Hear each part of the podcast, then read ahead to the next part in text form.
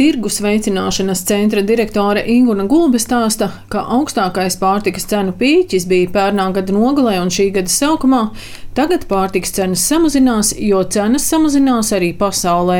Visā pasaulē pārtikas produktiem Kopumā cenas krīt, izņemot atsevišķiem produktiem. Tur cukurs ir kļuvis dārgāks, bet, piemēram, graudi, piens ir kļuvuši lētāki, un arī pie mums Latvijā šie produkti ir kļuvuši lētāki. Tādas cenas, kādas bija pirms Covid, nu, neredzu, ka tādas varētu atgriezties. Un ne jau tikai salnas, sausums un krusa Jāsāk ar to, ka darba spēka izmaksas ir ļoti pieaugušas. Cilvēkiem algas ir augušas, un pārtiks nozarē, tirzniecībā, ražošanā darba spēkam ir liela sadaļa kopējā izmaksu posteņos.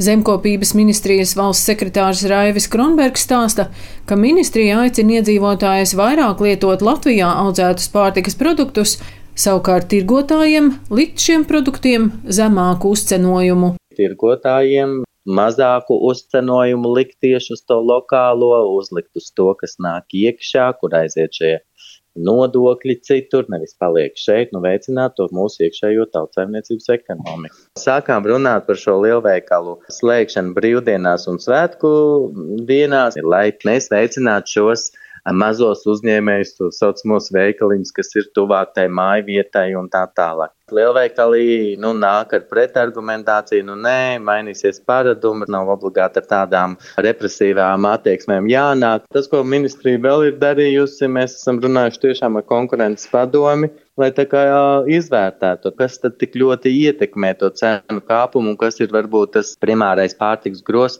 uz ko mums ir jāvērš uzmanība, lai viņa būtu pieejama nu, ikvienam. Konkurences padome šobrīd vāc datus no mazumtirgotājiem un piegādātājiem, lai analizētu pārtikas cenas pērnu un šī gada sākumā, vērtētu akcijas un standarta cenas gaļas, zivju, piena, graudu produktiem, maizei un olām, stāsta konkurences padomas priekšsēdētāja vietnieks Jānis Račko.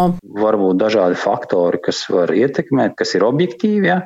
Un arī varbūt tādi, kas ir jau tādi mārketinga triki, tās ir akcijas, bet, protams, var pastāvēt droši vien mazumtirgotāju vēlmu kaut kādiem produktiem uzlikt lielāku uzcenojumu, uzskatot, ka patērētājs tāpat nopirks produktu grozu pie viņa. Mums tā kompetence neparedz ne cenu regulācijas iespējas, ne cenu kaut kādu pārkāpumu konstatēšanu, novērtēt arī, kāda ir piegādātāja un mazumtirgotāja sadarbība, jo mums uzraudzībā ir arī šis regulējums specifiskais, kas attiecas uz eh, negodīgas tirzniecības praksēm, kur ir virkni nosacījumu, kas mazumtirgotājiem sadarbojoties ar piegādātāju ir jāievēro.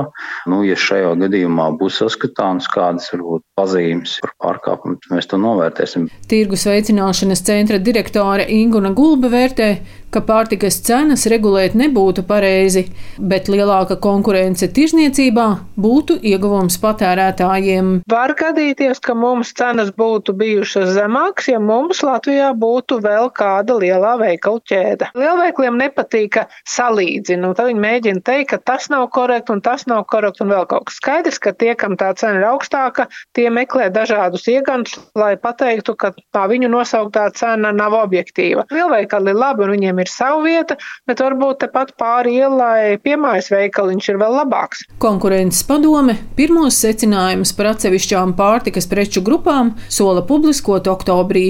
Daina Zalamane, Latvijas radio.